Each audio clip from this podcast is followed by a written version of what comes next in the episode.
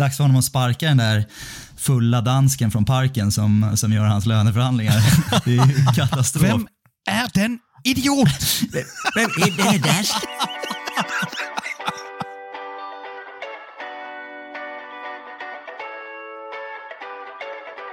Can Manchester United score? They always score. Rooney! Oh, wonderful! It's Berbatov! Brilliant! Marcus Rashford! Oh, glorious! That is a special one!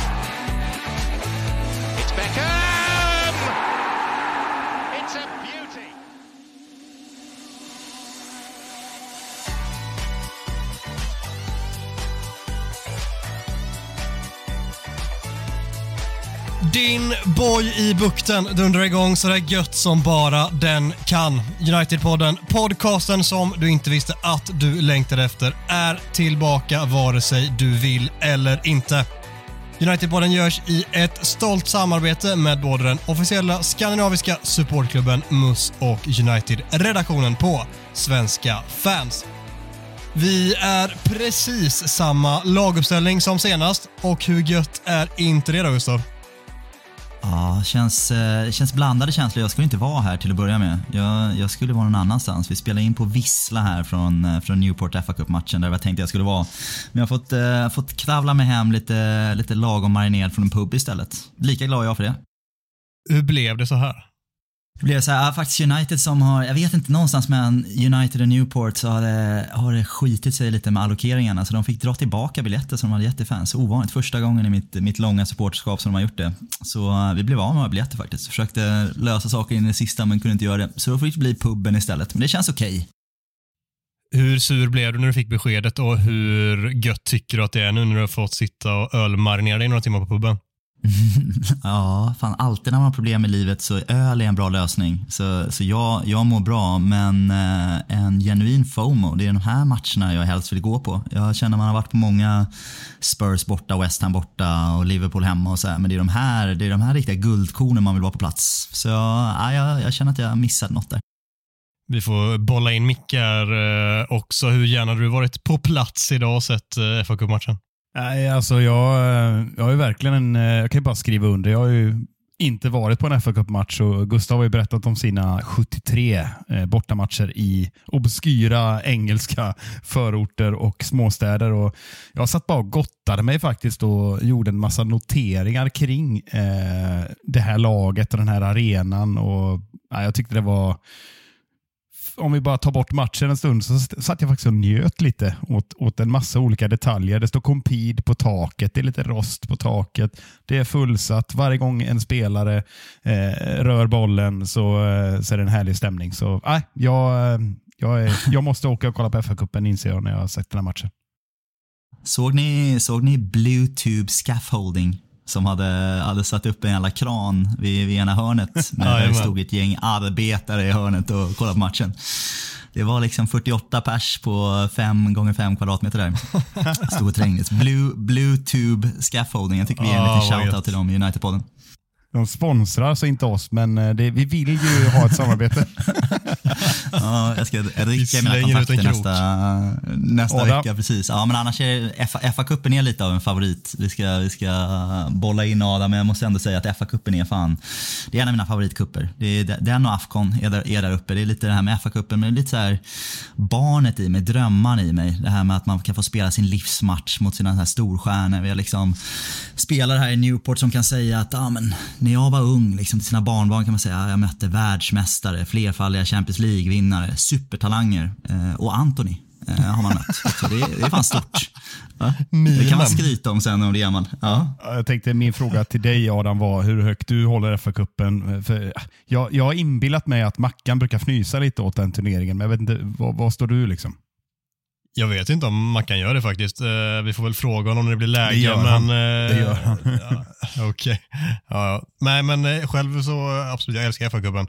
Det, det är precis det som Gustav säger med det här att det, man får de här uh, Goliat-historierna som där uh, de som aldrig någonsin ska kunna möta de här typen av stjärnor och lag ställs mot varandra. Vi får kontrasterna i att Det är en hantverkare som eh, liksom skyndar sig till jobbet, eller till träning efter jobbet, som ställs mot eh, spelare som tjänar ett fan lands BNP i veckan. Det, det är så jäkla fint att se det och att det också sen faktiskt inte alltid behöver vara så stor skillnad till syvende och sist i vissa enstaka matcher. Det är så jäkla fräckt. I, igår var det väl något så här non-league-lag som slog ut uh, Ipswich. Kommer inte ihåg om det var, så här, var det sjätte divisionen och sådär. De uh, lirade, jag kommer inte ihåg lagnamnet, det, det är svagt nu, men uh, om ni uh, kommer på det så hojta sen. Det, det är som den typen av historia. De slår ut, uh, alltså Ipswich ligger tvåa i Championship. Vi har ett, ett idag, liksom ett fjärdedivisionslag som inte alls långt ifrån att vaska fram ett returmöte på Old Trafford mot Manchester United det är den typen av stories man, man vill åt och det är så jäkla fint att det finns kvar i fotbollen med allt vad den internationella topp, toppfotbollen är idag. Ja, fina, fina. Det var ett annat United faktiskt som, eh, som du refererar till. Maidstone United. Ja, är, man älskar ju de där vin, vinsterna. Vilka mål också!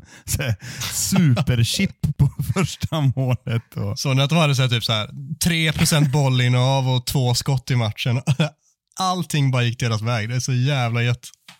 Ja. ja, vem har vi, vad har vi för United-koppling till Maidstone United? Plockar ni den? Nej, Nej den tar jag inte på rak Kom igen grabbar. Chris Smalling.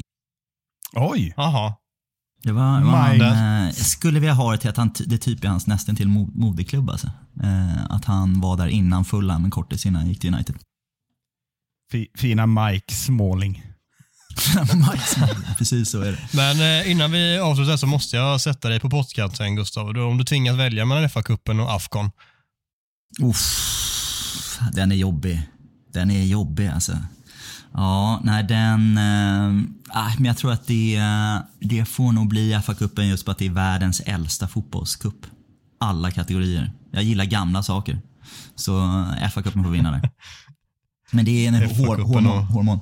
Roy Hodgson är dina favoriter. Roy Hodgson var ju faktiskt han var tränare i första upplagan för 162 år sedan. Eh, var det han som var, åkte ut i kvartsfinal då.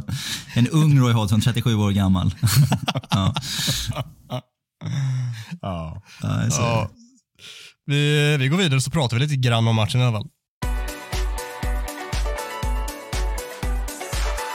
Det var på det där berömda håret med hjärtat i halsgropen som United lyckades besegra fjärdedivisionsklubben Newport County på bortaplan.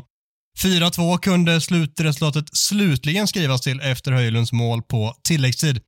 Några korta tankar om just det, Gustav? Eh, ja, fasen, det är e-, egentligen en så svår, svåranalyserad match. Jag tycker att vi i grund och botten gör ganska mycket bra. Eh, det är ju ändå som att det på något sätt är så pass nära att bli en jävla omspelsmatch ändå, vilket förstås på alla sätt är katastrof om man tittar på klasskillnaden mellan lagen. Men vi reder ut det eh, och vinner ändå på något sätt tryggt i, i slutändan med 4-2. Vilket jag tycker, det är väl det man får ta med sig. En hel del bra individuella prestationer eh, på vägen också som jag tänker att vi kanske kommer diskutera. Så bara överlag en, en dag på jobbet, en bra sån. Micke då, du ska få uh, dela ut veckans bajs-Micke, alltså spelarbetygen. Vad har du landat i? Nej, men precis eh, som du säger så måste man bara understryka här, om nu någon trodde något annat, att eh, det är ju spelmässigt ett haveri eh, återigen från United. och eh, Som du är inne på Adam så får man försöka zooma in på några spelarprestationer och isolera det lite grann i en väldigt konstig match. Så det är mot bakgrund av den bilden jag har av matchen som jag har tagit fram, de här. Och Det är eh, enligt det klassiska måttet näst bäst, bäst och en som måste höja sig. Vi krånglar inte till det här. Vackert. Näst bäst har jag lite svårt att välja faktiskt. Det är två stycken som jag tycker eh, kvalar in här på olika sätt. Och Det är våra två yttrar som konkurrerar här. Jag tycker Anthony eh, det finns många som vill, vill påstå att han är världens sämsta vad han än gör. Han gör ett mål och ett assist och han skapar tre målchanser och kommer till en massa lägen. Sen är avsluten inte där, men han producerar trots allt i den här matchen och det var nog jäkligt skönt för honom. Och På andra kanten så händer det betydligt mer i eh, liksom, när det gäller att utmana. Garnacho pratar om då. Eh, jag vet inte hur många lägen han kom en mot en och borde gjort mycket, mycket mer med det. Men trots allt det händer alltid någonting där.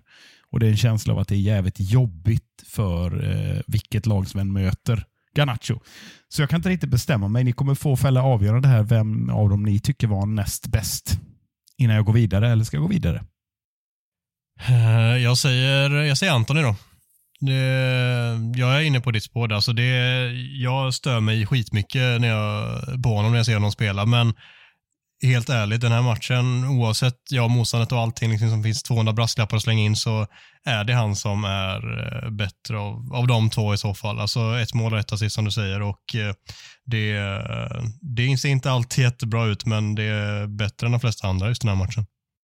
Nej, men jag, jag håller med. Jag skulle också säga att Anthony, Anthony vassare än Garnacho. Jag tycker egentligen inte att någon av dem är jättebra om man tittar på motståndet som de möter. Eh, faktiskt om jag ska vara krass. Jag, jag har högre krav på dem. Jag tycker att det är väl de här matcherna minst i alla fall som man ska showa som ytter, ytteranfallare. Det ska väl vara klasskillnader på de här mot sina ytterbackar och jag tycker att det ser ut som any given Premier League-lag de möter. Att de har lika svårt eller lika lätt som de har för League 2 har de när de är och spelar på landslagsuppdrag. Och det, jag vet inte om det är en komplimang eller om det är en diss. Jag vet inte. Men det, jag förväntar mig egentligen mer av dem båda. Verkligen. Ja, nej men jag tycker eh, sen, eh, sen det är klart man kan blanda in fler spelare i ekvationen för det är ganska jämnt eh, utsmetat offensivt i alla fall vilka som är bra. Men jag tycker ändå att Kobi Mainu sticker ut i den här matchen igen i ett, i ett läge där han möter ett betydligt sämre mittfält än vad han brukar dominera mot. som han faktiskt har gjort i många matcher, varit dominant åtminstone bitvis. Idag får han dessutom sällskap av Casemiro eh, som kommer in väldigt machotränad ska sägas och drar på sig ett gult och är väl inte speciellt bra. Men jag tycker Kobi är ju den som ser till att vi får det där övertaget i början och borde göra bra mycket mer mål och dessutom så får han göra sitt första A-lagsmål som kröner en fin insats igen från Kobi, Så han är bäst i min bok.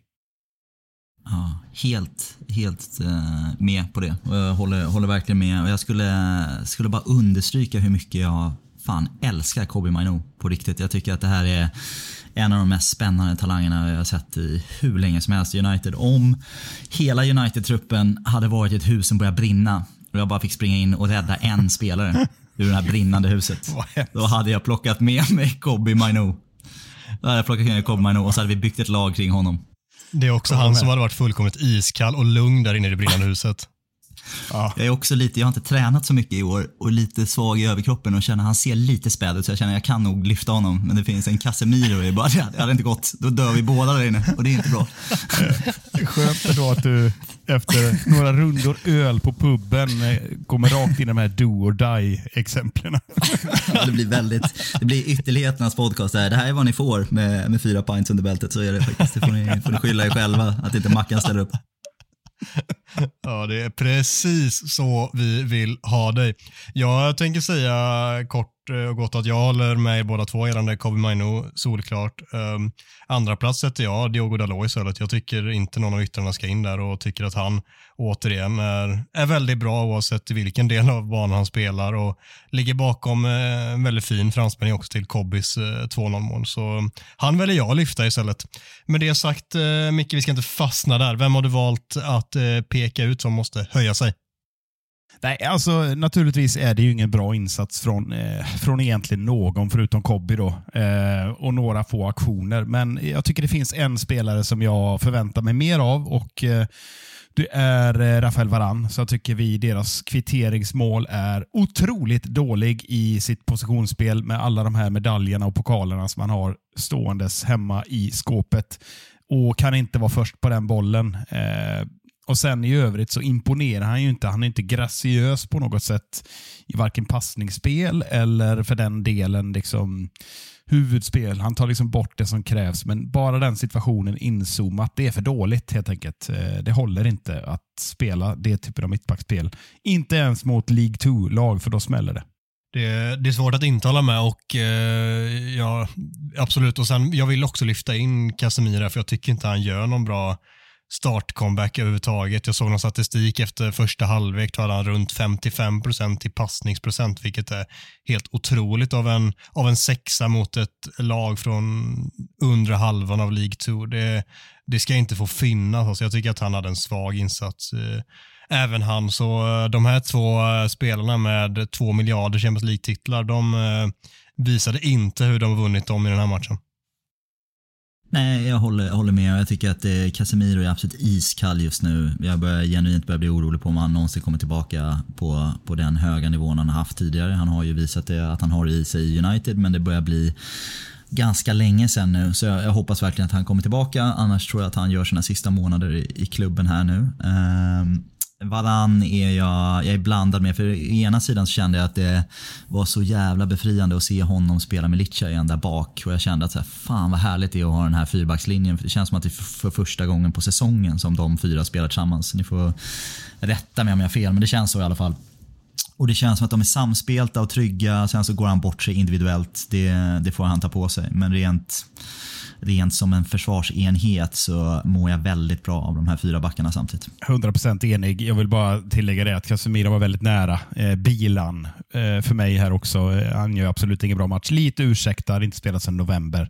Varann har ändå varit igång, men eh, naturligtvis håller jag med om att Casemiro såg ju ja, åtminstone liksom inte fysisk katastrof, men eh, det ser inte bra ut. Så man blir nyfiken på fortsättningen helt enkelt. Mm.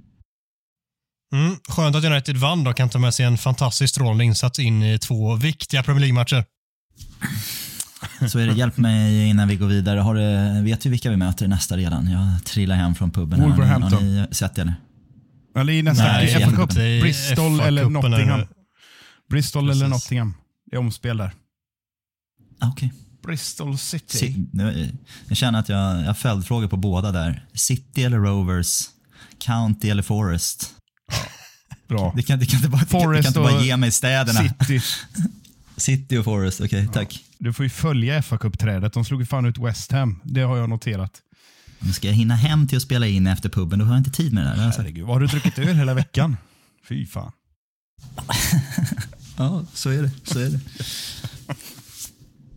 Ja, ja, ja. Okej, Adam, kör oss vidare i det här programmet. Då. Det är det enda jag ska göra.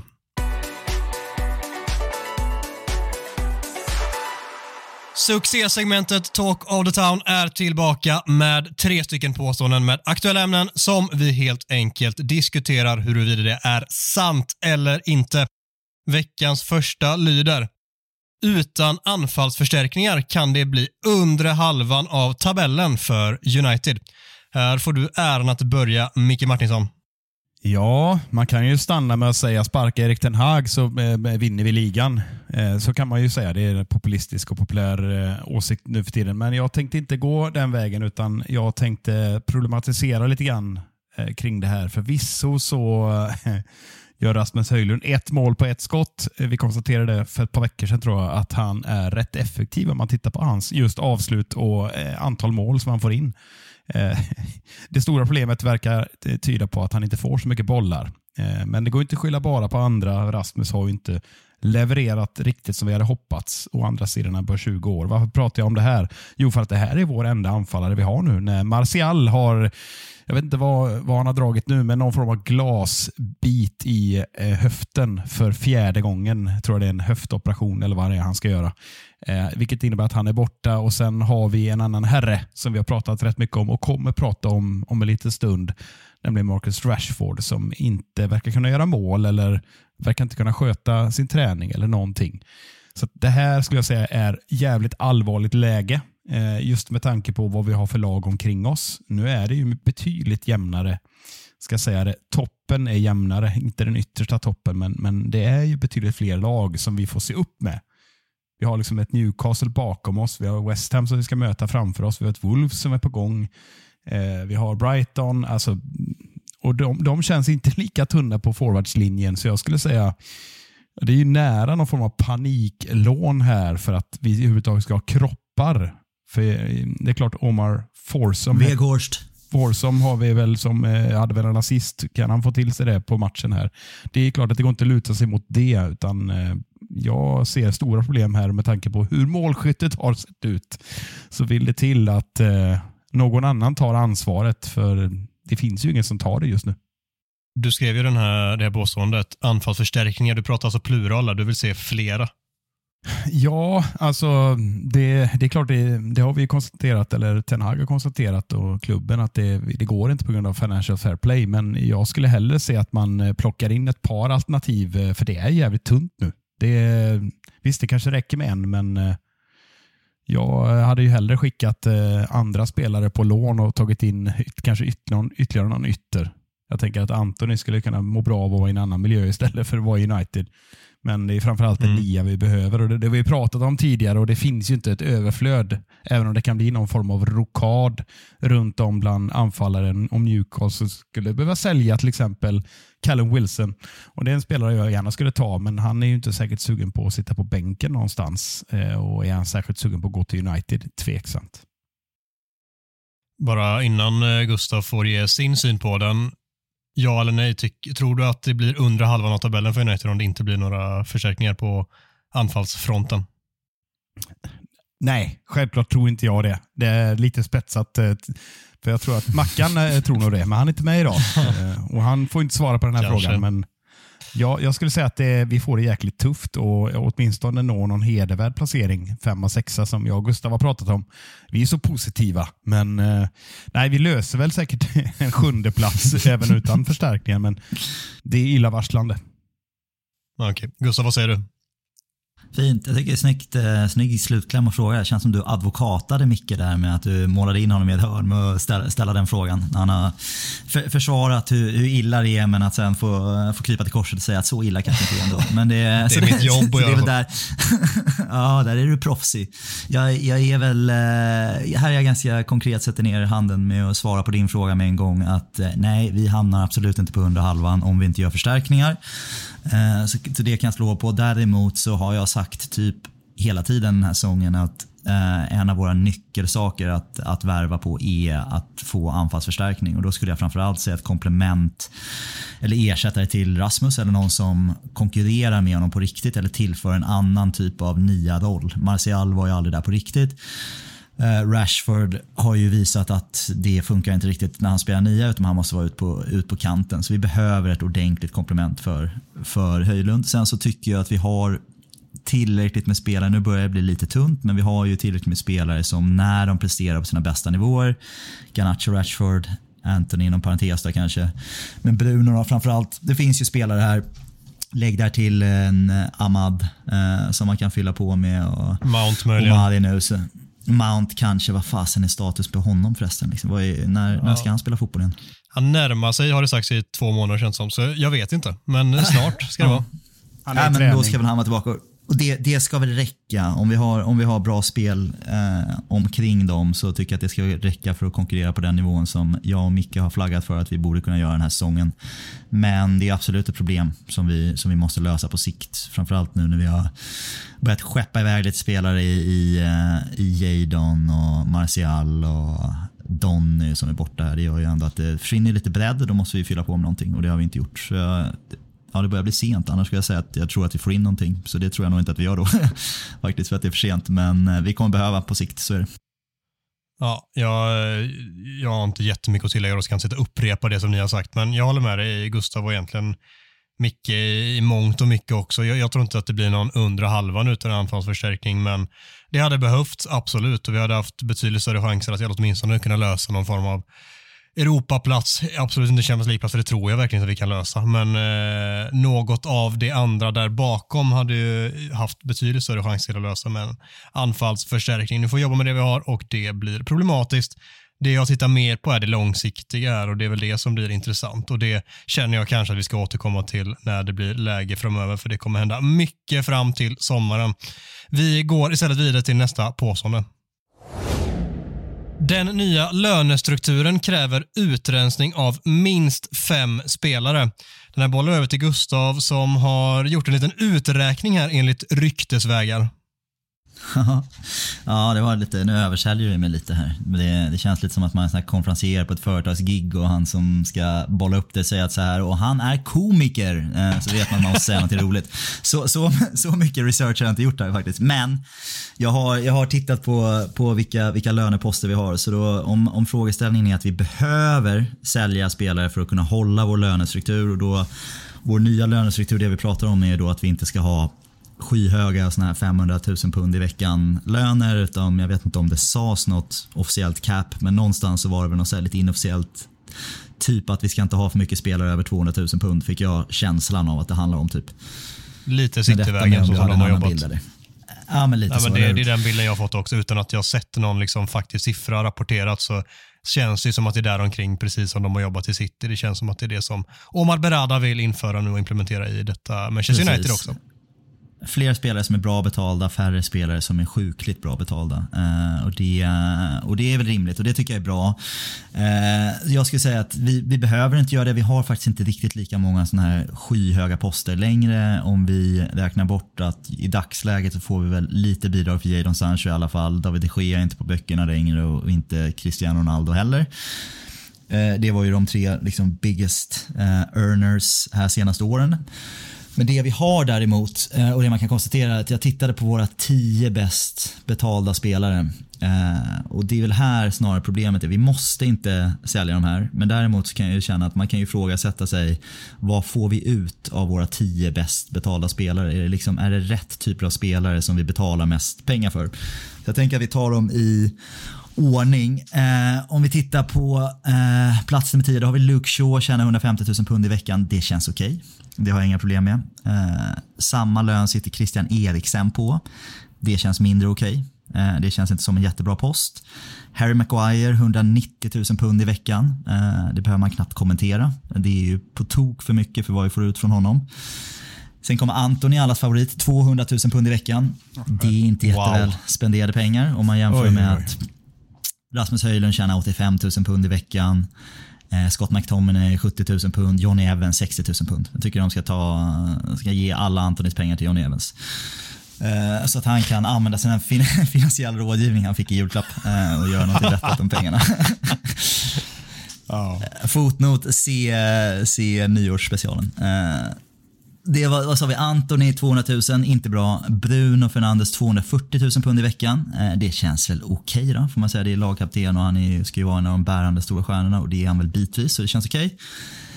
Strax över Bruno Fernandes har vi Mason Mount, som vi precis nämnde här, 250 000 pund. Eh, jag har skrivit Mason vem? Frågetecken. Eh, är det en spelare som spelar för Manchester United? Det har jag inte sett, så det vore ju kul att se vad, det, vad vi får för de pengarna. Sen har vi Anthony Martial, sitter på 250 000 pund i veckan också. Känns inte heller jättebra kanske. Marcus Rashford. Men den försvinner eh, i alla fall. Kanske, ja, jo men den försvinner. Marcus Rashford sitter på 300 000 pund i veckan. Vi kanske kommer prata lite mer om honom i den här podden, så jag släpper det i dagsläget. Ha. Får man tycka vad man vill. Det ska ha. Eh, sen har vi Rafael Varan, 340 000 pund. Spelar inte tillräckligt mycket för att, för att rättfärdiga det. Och bäst betald av spelare nuvarande i boken, Drumroll, Eh, plockar du den Mikael? Casemiro. Casemiro, Casemiro, 350 000 pund i veckan. eh, ser, ser, väl inte riktigt, eh, ser inte riktigt värd ut i just det. Så en snabb överslag där så kan man ju säga att eh, Bruno och Shaw är väl, det känns väl klockrent. De har, de har vad de ska. Och sen så har vi åtta spelare av våra topp 10 löner. Jag tror att man kan diskutera om man tycker det är värt det. Lägg till Rashford om folk är, gillar honom. Ge Mason Mount ett frågetecken för att vi inte riktigt vet. Då är vi snälla. Men då har vi i alla fall sex garanterade spelare som sitter på alldeles för höga löner. Och de hade jag gärna bytt mot andra spelare som tjänar 200 000 pund i veckan då, som jag kan känna är mer som Luke Shaw och Bruno Fernandes. Jävla bra genomgång och eh, det som jag tycker är värt att tillägga i detta också är att det, det har ju märkts av, i alla fall i rapporteringar kring vissa spelare, att klubben redan jobbar på att få ner lönen på vissa spelare, till exempel då Rafael Varan och rapporteras så tidigare att där handlar det om att man inte har valt att använda hans, eller nyttja hans optionsår för att man vill antingen släppa honom eller skriva ett nytt kontrakt som i så fall innebär en lägre lön som då är enligt, i linje med den nya lönestrukturen. Så det känns ju som att man redan har börjat på de kontrakten man har möjlighet att göra det. Det är beslut fattat kring Anthony Martial att han inte blir kvar.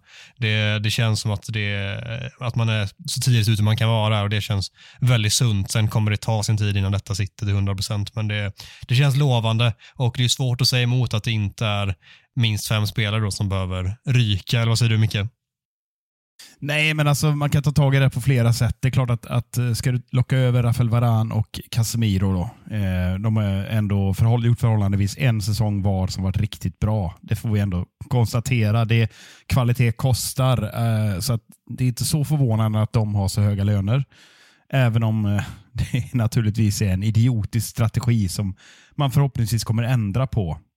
Det jag fastnar för mest är ju såklart eh, Anthony och eh, Mason Mount. Mason Mount har förvisso varit väldigt bra i Chelsea. Det kostar att köpa i Premier League, det vet vi. Han är fortfarande ganska ung, men har ändå levererat lite överkant i lönen. Men eh, som du sa Gustav, han har inte fått visa någonting än. Lite asterix på honom. Men däremot Anton är ju, ja men det har vi redan sagt, hur, vilken, det är den mest katastrofala värvningen i konkurrens med Harry Maguire som United någonsin har gjort, tycker jag. Och det, det är nog ingen som säger emot. Men att ge en så ung spelare, för första köpa en för en miljard, när man scoutar honom för typ en fjärdedel, och sen ge honom så hög lön direkt innan, istället för att ha prestationsklausuler. Det är för mig jättekonstigt med en så ung spelare. Istället för att ge honom eh, ja, men höj, motsvarande Höjlunds nivå och så kanske har ett gäng klausuler då, för prestation. Och Då hade han kunnat bygga upp sin lön. Och liksom, så funkar ju arbetsplatser idag. Som, eh, man värvar inte in en stjärna på marknadsavdelningen och ger hen en skyhög lön och så, och så går det åt helvete sen. Så funkar det inte, utan man får bygga upp människor, vilket jag tycker man borde göra. Så Det är mer min åsikt att det är inte så konstigt att det kostar att ta in kvalitet, men eh, det stora felet är att lägga skyhöga summor på så unga spelare. Mm. Kan man, eh, kan man vara, känna att Rasmus Höjlund lite sned på sin agent när han, han tittar på det där förhandlingsfönstret som de gjorde, förra sommaren? dags, dags för honom att sparka den där fulla dansken från parken som, som gör hans löneförhandlingar. Det är ju katastrof. Vem att är Anton, den Anton, idiot? Vem är den dansk? Ah, fy för helvete, det går inte. Tänker bara på Johan Glans. Ah, jag vaknar morgonen, händer någonting. Vem är den idiot? uh, nej men det är ju, nej men hur fan kan han förhandla till sig 85 000 pund i veckan med hans track record och Antoni förhandla till sig 200 000 pund med exakt samma ledare, samma tränare, samma lönestruktur. Det är ju helt, helt bisarrt. Ja. ja. Att man bedömer att Antoni är alltså mer än två gånger större talang och stjärna än vad Höjlund är. Och det visste vi att de var redan, eller inte var när de signade. Titta på siffrorna. I, Antoni har varit igång någon säsong längre kanske, gjorde bra ifrån sig tre år i rad, även i Champions League. Kanske presterat lite bättre på internationell nivå än vad Rasmus hade gjort, men jag håller med dig Gustav, det är, det är skevt. Och i sånt här kan ju skapa sprickor, för man gissar ju att de har rätt bra koll på vad de tjänar, de olika spelarna. Troligtvis va?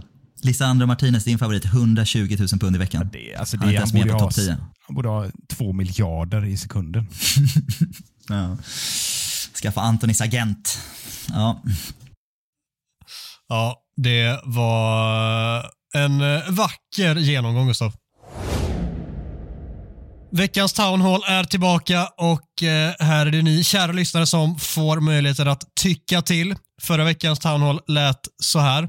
Onanas kvaliteter har inte kunnat användas på grund av skadorna i laget och på vår omröstning på X gick det att utläsa att ja, det stämmer, svarade 39,4% och nej, det stämmer inte, svarade 60,6%. Har du lyckats eh, fiska upp någon lite extra intressant kommentar, Micke? Mm, vi har ju Basmi, eller Dave Lund som han heter, eh, också Intressant kombination. Vi Bra brukar kommentera namn. namn. Bra namn. Mycket viktigt att göra det. Hela tiden understryka det. Eh, han säger så här. Många missar frågeställningen. Ja, han har ju haft träben framför sig, så klart att det påverkar.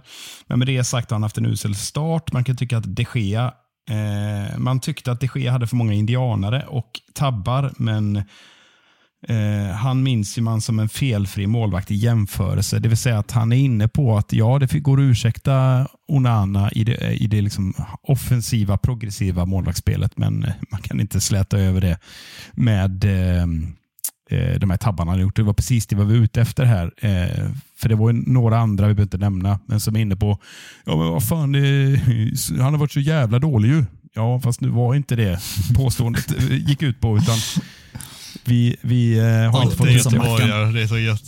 Offensiva spelet. Spela här på kanten då! Nej, jag ska inte hänga ut Men det går ju inte. det, det, var lite så, så jag tycker Basme fångade snyggt. Tack. Snyggt. Veckans Town Hall lyder så här. Marcus Rashford är ett misstag ifrån att säljas. Och eh, vet inte om det behövs någon kontext här, men vi slänger ut den lite kort och det är väl kort och gott att han missade matchen, fa matchen här och Eh, det sades utåt att det handlade om en, eh, ett sjukdomsfall, att han var sjuk och missade träning på grund av det. Sen kom eh, bland annat då The Athletic, väldigt pålitlig källa och menar att Marcus Rashford varit i, var i Belfast och klubbat kvällen innan och sen tagit privatjetten hem och sen anmält sig sjuk till träningen. Det fick Erik Ten Hag sen frågor om eh, inför matchen och han sa bara att det var en, eh, vad han sa, internal matter typ. Och eh, det är väl typ där vi står här och nu. Påståendet i sig, Rashford är ett misstag ifrån att eh, säljas. Är det så mycket?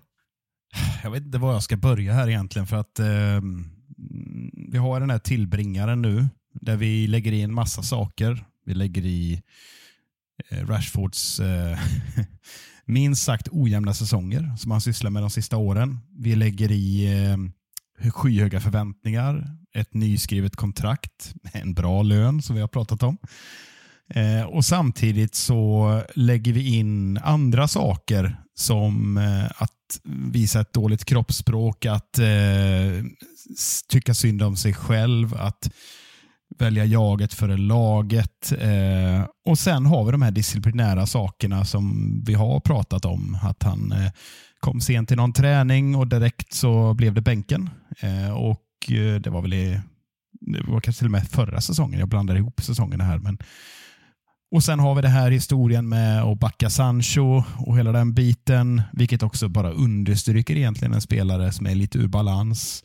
Det ryktas om problem för hans bror. Det ryktas eh, problem med flickvännen vid sidan av, lite av eller på där. Det finns så jävla mycket Marcus Rashford och man kan väl koka ner allting till att det här är en kille som inte riktigt är i balans. Och Vad tycker jag då om det? Jo, jag är fruktansvärt trött på privilegierade människor som vill vara i ett kuddrum där det är synd om dem, där det är en offerkofta runt om. Eh, det finns inga ursäkter för eh, Naturligtvis så kan Rashford ha en dålig period. Det kan alla ha. Han är en människa, han är ingen robot. Men jag är så jävla trött på det här att det ska vara synd om mig. Det är så synd om mig, Marcus Rashford då ska han inte spela på den här nivån. Då ska han inte spela i den här klubben. Då ska han gå någon annanstans tycker jag. Och jag min tillbringare som jag precis har presenterat här, så jag tror många lägger i allt det här i. Den är nära att svämma över. Och Det finns bara ett enda sätt för Marcus Rashford. Det är att bita ihop och ge allt för laget. Sen kommer det att lossna. Det har vi sett att han kan leverera på en nivå. Men fortsätter han så här, då är det ingen idé att ha honom i truppen. Då är han bara en belastning med eh, allting det jag gått igenom. Så att jag, jag, jag är jävligt nära att tappa tålamodet. Ett misstag ifrån, ja eller nej? Ja, jag skulle säga det. Disciplinära, liksom, vad ska man kalla det? Eh, när det eskalerar med, med det blir disciplinära, det brukar betyda att det är liksom det ses inte med blida ögon och det borde han ha lärt sig av det ledarskapet som Ten Hag har presenterat, att han tolererar inte sånt ett, det går ju inte att ursäkta Rashford för om han har varit ute och klubbat dagen innan träning och liksom hela den biten och det ska han ha sitt straff för utan tvekan. Det hoppas jag att han inte undslipper på något sätt som någon annan spelare skulle göra. Det, det är bara för dåligt, punkt. Sen tycker jag att den här debatten kring Rashford som det har blivit och som har blåst upp under året blir, har blivit mer och mer polariserad hela tiden där folk endast ser till de sakerna som du liksom nämner här att man slänger i glaset att alla de här negativa sidorna och så det är ingen som lyfter upp allt det positiva med vad Marcus Rashford är för Manchester United, vad det är för spelare vi pratar om, allt som han står för både på planen och utanför planen. Allt det har bara försvunnit för att han har haft en jävligt tuff säsong och eh, då eh, passar det på något sätt i agendan just nu att tycka att Marcus Rashford är bajs och han kan vi absolut göra oss av med är det någon typ av spelare vi ska, liksom, jag har sagt det här så många gånger också innan, Så det kanske blir lite upprepning, men alltså, är det någon typ av spelare vi ska hålla lite extra hårt vid så är det en spelare som Marcus Rashford. Det betyder inte att vi ska ursäkta många av de sakerna som du nämner där, men jag tycker att det ska ha en större tyngd i den andra sidan vågskålen än vad det får i väldigt mångas ögon.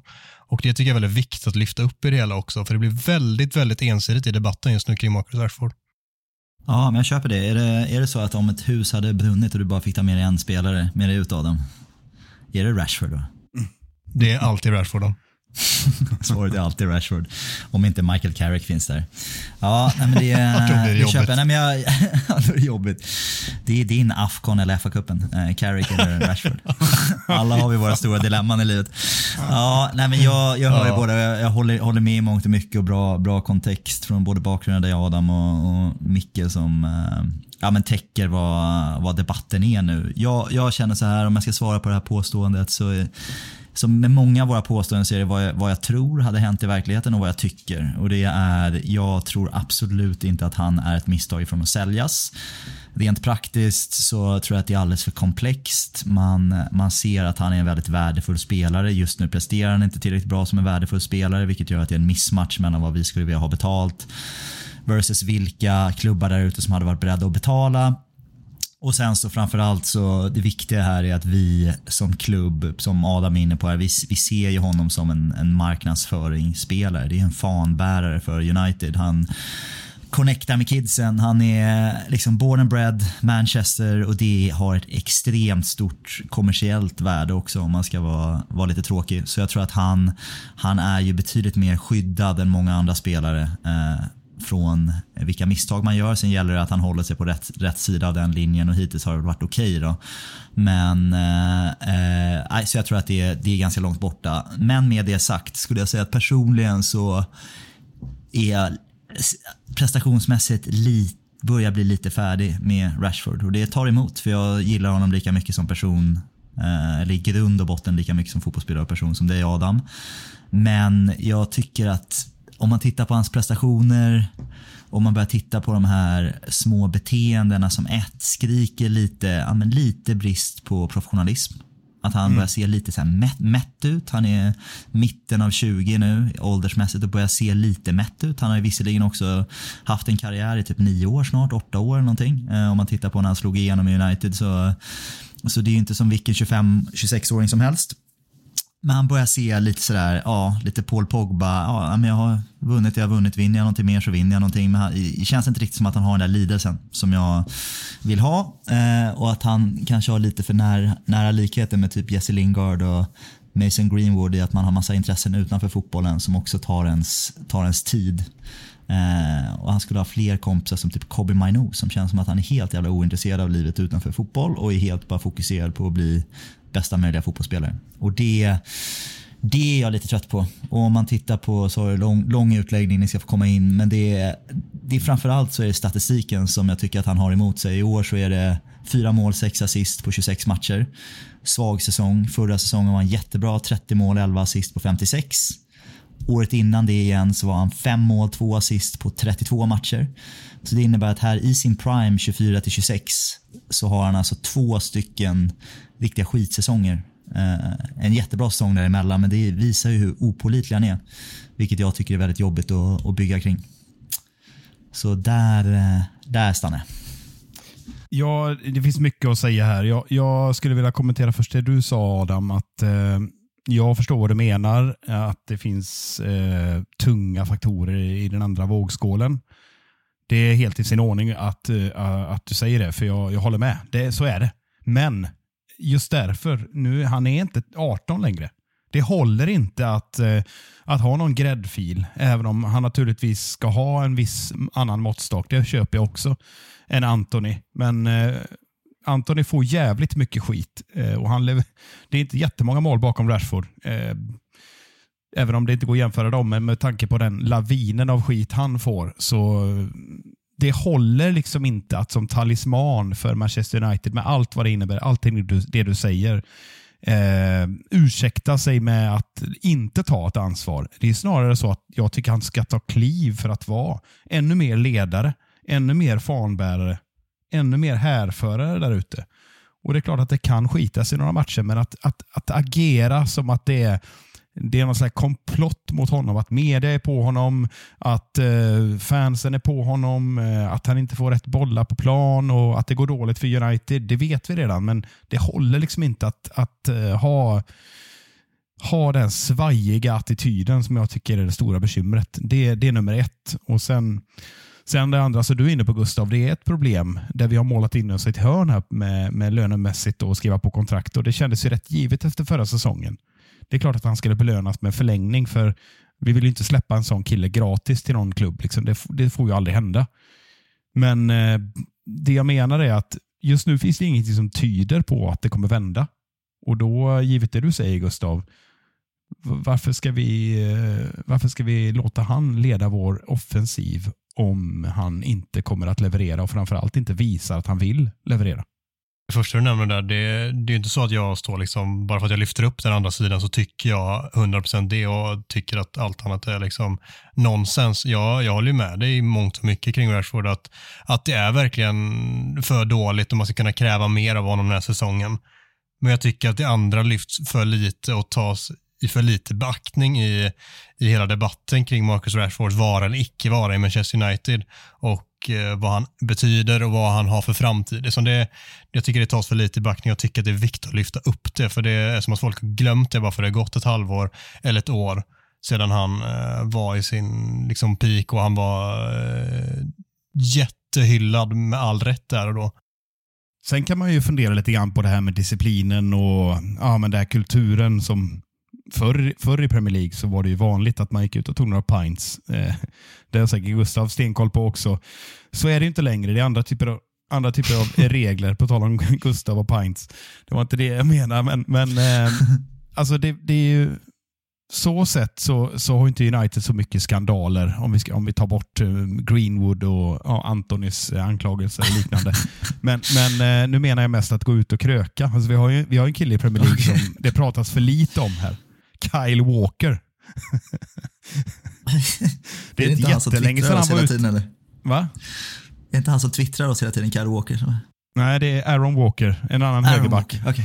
Nu pratar okay. vi om Kyle Walker, Manchester City, som, som har en historik med lite John Terry-touch på, med lite prostitution och mys under pandemin. Och sen, eh, inte alls länge sedan var han ute och, och var lite otrogen och visade könet. Eh, och det har ju liksom Det, det kommer han undan. Var lite otrogen.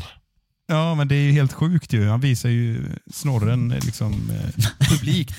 Och han är landslagsback och han eh, spelar på. Men skillnaden med Kyle Walker, jag ska, inte, jag ska verkligen inte ursäkta ett sånt beteende. Eller, jag försöker inte liksom säga att det han har gjort är skitsamma.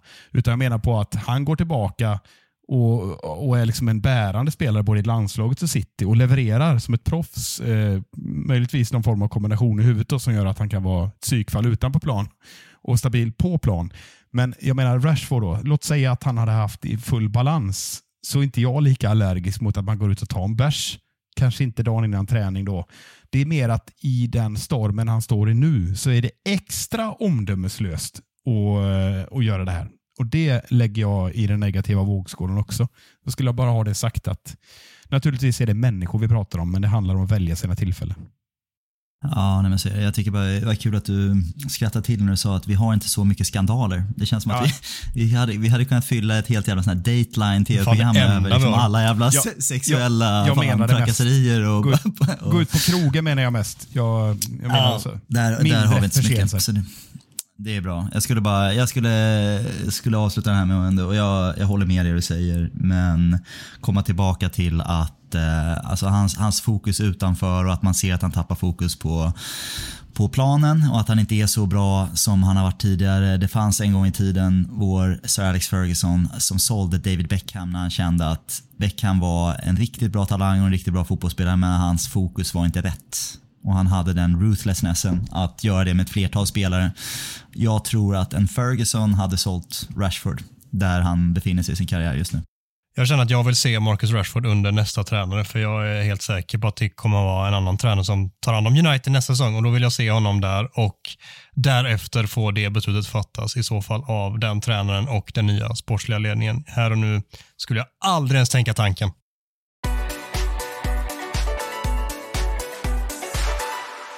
På torsdag klockan 21.15 gästar United Wolverhampton i Premier League och vi räknar blint med en målsnål historia för 735 gången i ordningen, Gustav. Eller hur ser det ut?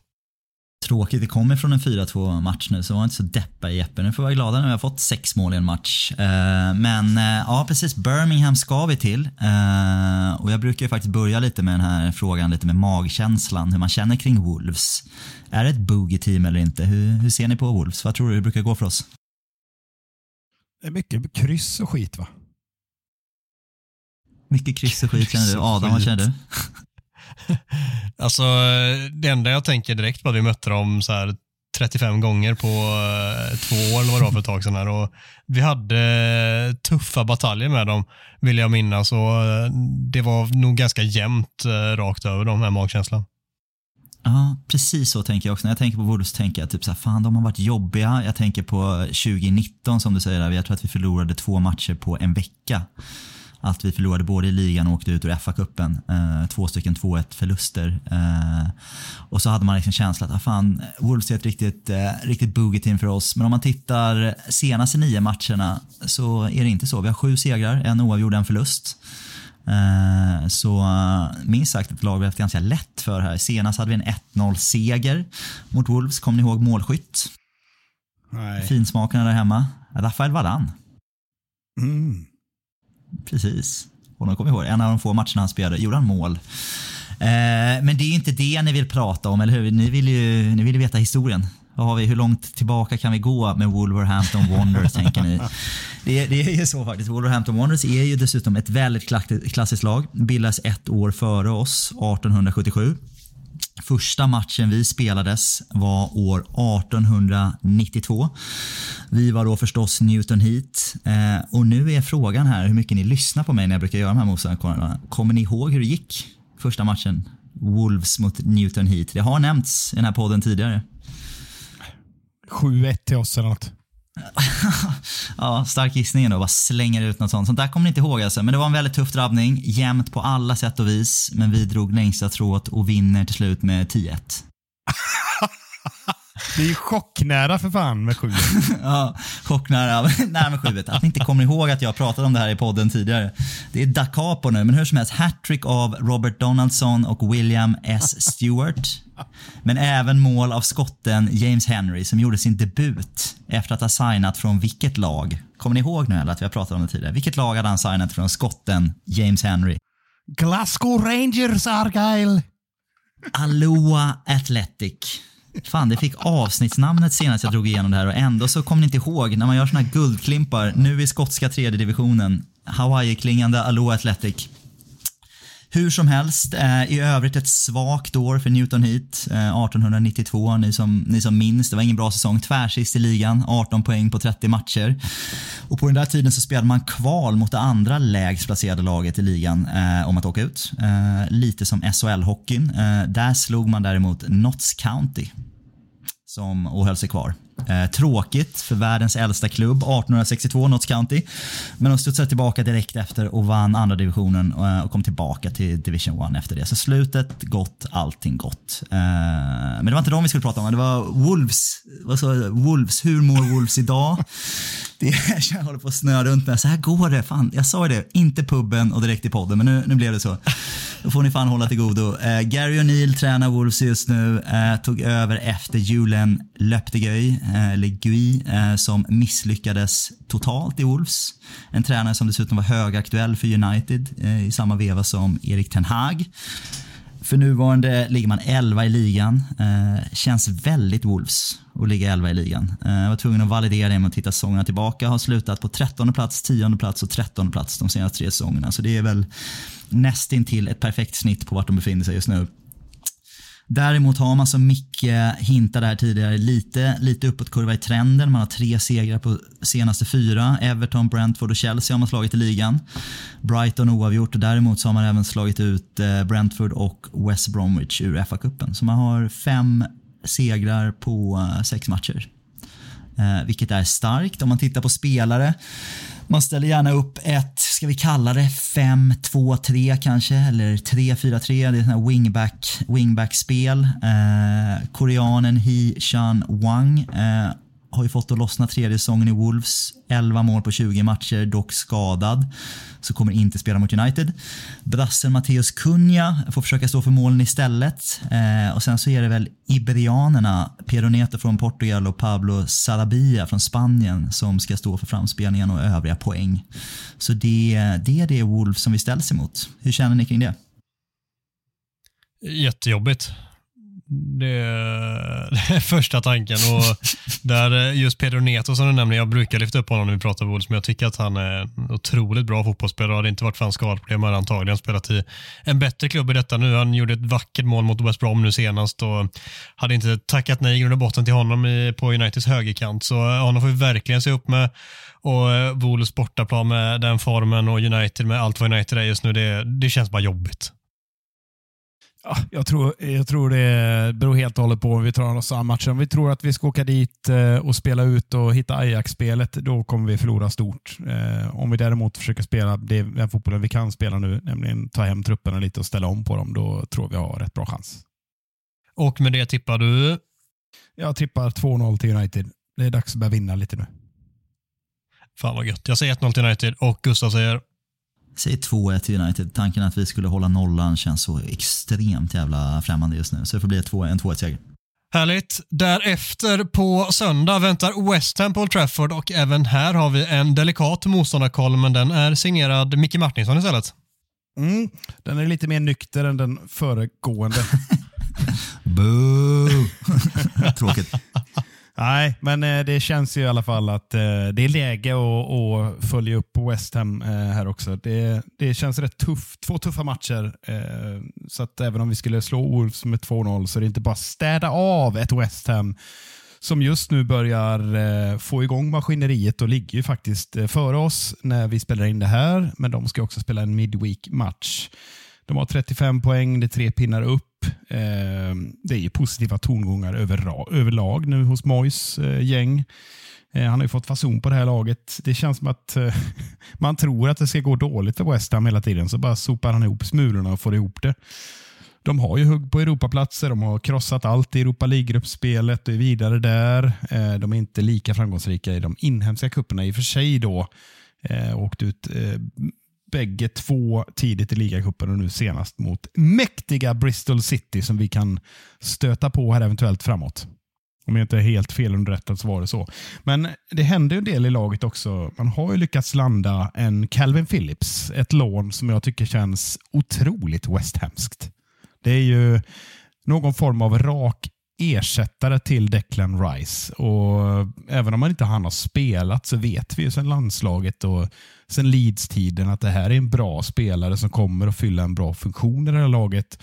Som kommer göra att andra spelare som Zuzek, som eh, Paketa kan ta steg upp i planen och eh, göra West Ham ännu mer svårslagna på sikt. Då. Nu, nu ska han ju in här Frågan är om han kommer spela redan på söndag. Det får vi väl se. Jag har ingen aning om hans status. Han har väl ont i arslet möjligtvis efter att ha suttit på den där kvisten. Men eh, det får ju vi får se, helt enkelt se. De saknar ju trots allt lite pjäser här inför matchen. Paketa blir eh, borta, vilket vi tackar för med tanke på att han lekte med oss senast. Vi har Antonio fortfarande skadad. Han har varit borta ganska länge nu och sen har vi duon Aguerd och Kudos som är vidare med sina respektive länder i Afcon. När vi spelar in här vet jag inte hur det har gått, så det kan hända att de har åkt ut och kommer hem direkt. Ingen aning. Men det ser väl lite sådär ut att få dem spelbart skick. Och det är inga dåliga spelare de saknar. Så Ben Rama har också en avstängning kvar, läste jag mig till. Eh, så um, mm. Och På tal om quiz här då. Sen 2010 så har ju lagen mötts 34 gånger, varav 9 gånger i kupperna. Och eh, hur ser det ut där? Är det lätt eller svårt mot West Ham? Så, vad säger ni? Nej, men klar övervikt på att det är lätt. Ja, det, det känns verkligen jag, jag, vågar inte sätta siffrorna, men det är klar dominans på vinster av de där 36 matcherna. Det är korrekt. 19 segrar på de här 34 matcherna, 8 oavgjorda och 7 förluster har det blivit. Så um, det kommer ofta lite i stöt. och Just um, de två senaste matcherna är inte eh, lika ro roliga i den här läsningen. Då är det nämligen två raka förluster. Eh, förvisso på bortaplan då. Har vi inte gjort mål på dem på 180 minuter plus. Eh, men eh, vi minns ju den här matchen dagen före julafton. Där West Ham relativt enkelt klädde av oss. Den var ju ingen höjdare. Men jag tror det här blir en tuff, tuff match. Eh, om jag tror att vi slår Wolves så tror jag inte vi slår West Ham. Torskar vi till och med eller ett kryss tippar det? Vi har ett kryss framför oss här. Det blir 1-1 i den matchen. Adam, Adam, Adam, fråga mig vad jag tyckte om Mickes motståndarkoll. Uh, Gustav, vad tyckte du om Mickes motståndarkoll? Uh, ja, men jag tycker avsaknad av historia, Micke. Det är, hela, det är det som är hela grejen med motståndarkollen. Sakna historia, men väldigt bra kontemporär fakta. Det mm. får du två, två plus för. Vi kan inte tråka ut lyssnarna med att börja prata om Notts County igen. Mycket Nottingham i det här avsnittet. Både Forest och County täcker vi. Jaha, vad sa du? 1 ja. Adam, vad tror du det blir? Uh, jag tror det blir uh, ehm, 1-0 igen. United håller nollan två gånger och gör ett mål igen. Och Gustav tror 6-0 till United, eller? Jag tror att det blir som 26 december 1922. När vi, eh, när vi slog West Ham första gången. 2-0 vann vi då. Uh, Arthur Lockhead gjorde båda målen. Jag tror inte att han gör några mål den här gången. Uh, gick ur tiden 30 december 1966. Så det, det kommer han inte göra. Men däremot tror jag Höjlund och uh, Gaspacho sätter den. Gaspacho. Det känns skönt att du täckte historiken även i den här motståndarkollen, Gustav. Tack. man, får ju, man får ju bända in det då om inte du gör ett jobb, Micke. Så är det. Fyller i Mickes luckor. Vackert. Mm -hmm.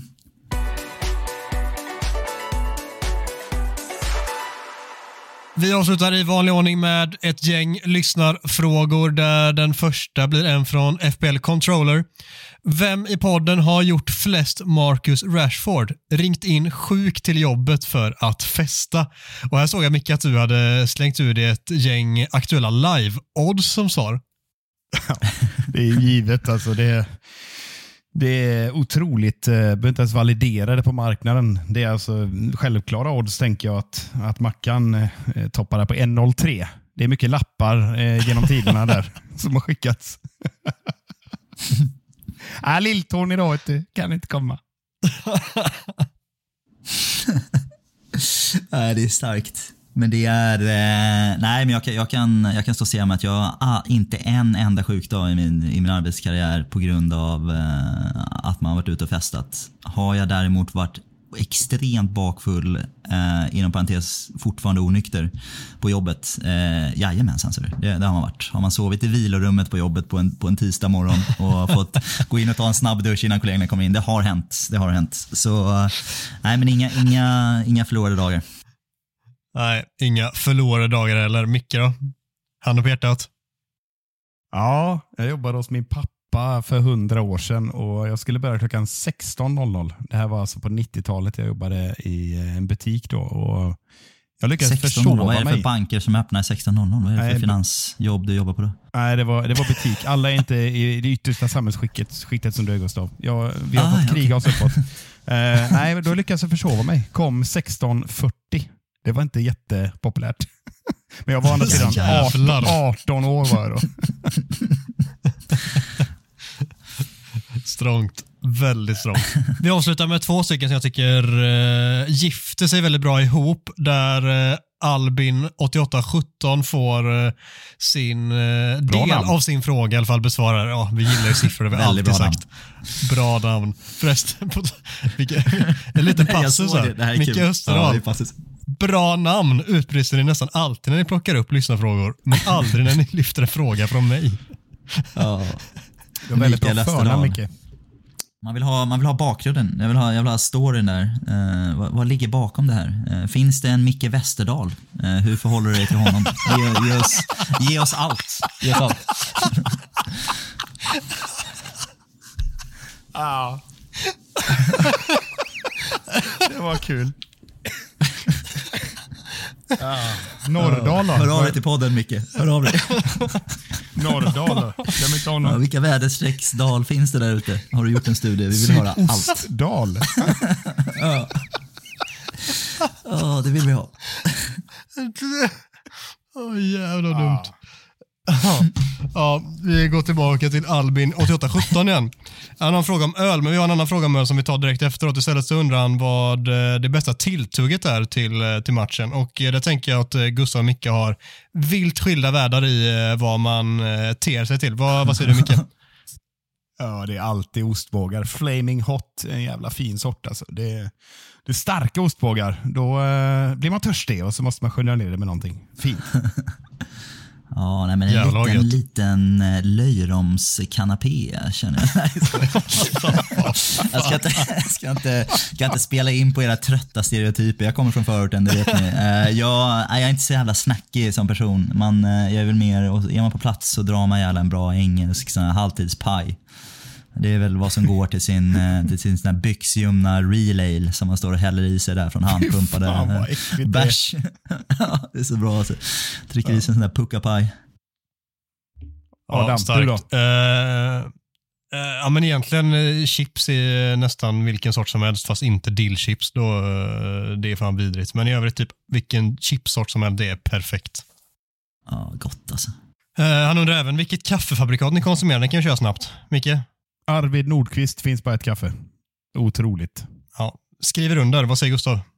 Eh, kaffefri hela livet faktiskt. High on life. Ingen kaffein i kroppen. Ja, det var uh, Många svårt. andra substanser. Vi... ja, antagligen. Ja, och med det sagt så har vi ju redan hintat om att vi ska avsluta med en fråga som gifter sig med den. Och då kommer den från Mikael, eller Kenny Finger Junior som han också heter på X. Bra namn. Bra namn. Väldigt bra, bra namn. Ken Kenny lyder helt enkelt. Vem är det liksom? Ja. Jävla svagt. Ja, um, han säger så här då. Pripps Brå, Guinness, Budweiser. Du måste dricka en själv, ge en till en vän och hälla ut en i vasken. Vilken väljer du som matchöl? Gustav, du först. Uh, en gång till. Var det Prips, Budweiser och Guinness? Nej? Jajamän. Och vi skulle hälla ut den, ge en till en kompis och dricka en själv. Du det? Ja, hur många yes. öl har du druckit sa du? Okej, jag känner, kan du skicka över det här så jag har det skriftligt framför mig? Nej, jag kan jobba mig igenom det här. Vad har vi på det då, då? Då ska vi ge en öl till en kompis. Då tänker jag att jag ger, jag ger en Guinness till eh, Micke. Det är alltid kul att sätta fart på hans mage för det är, Guinness är sån jävla liksom, det är sånt jävla straff dagen efter. Så det kan du ha, där, kolbitar som du kommer skita ut sen dagen efter när du har druckit din Guinness. Så den, den får du. Vi, oh. vi häller ut en, jag häller ut en Prips för det är typ allt det är värt med jävla Prips. Alltså. Den, ska, den, den vaskar vi. Vi kör en gammal Stureplansvaskning Ano 2007 på Pripsen. Eh, och så dricker vi, dricker vi Budweisern. Ja, så får det bli. Vilken jävla dåre du är alltså. Jag är precis tvärtom. Ja, vad fan. Ja, det första vi gör är att kasta iväg Budweiser. Det är så jävla äcklig öl och usel ja, på alla sätt. Överskattad. Jävla sponsorbärs och bara... Vad har vi på det? Det är som Pepsi. Liksom. Det, är, det är ingen jävel som dricker det. Det är bara sponsorpengar alltihop. Bort med det skiten. Jag har aldrig hållit med dig om något så mycket som just nu Micke. och sen givetvis Guinnessen. Den får inte Gustav. För han, eh, jag vill vara snäll mot Gustav så jag skickar Guinnessen till Mackan. För han vet inte vad det är för ölsort. Så han kan behöva lära sig kultivera sig lite grann och sen eh, dricker jag givetvis Pripps Blå. Vi vill slänga oh. på Tommy Nilsson som soundtrack här så du ska kunna må bra. Eh, eller Stefan Andersson. Här mår du halt. Ja, nu har både, både jag och Micke fingrarna i munnen när vi gör en Tommy Nilsson. Det är starkt. Ja, det var scener som vi aldrig har varit med om i den här podden innan. Jag skriver under helt och hållet Micke. Det är exakt så man ska göra. Skicka Budweisern åt hela helvete. Guinnessen kan ha polare som tycker om det får dricka och Pripps Blå, världens bästa öl, rätt ner i magen bara. Uff. och så kastar du in Tommy Nilsson här. Det gör vi. Den kommer här.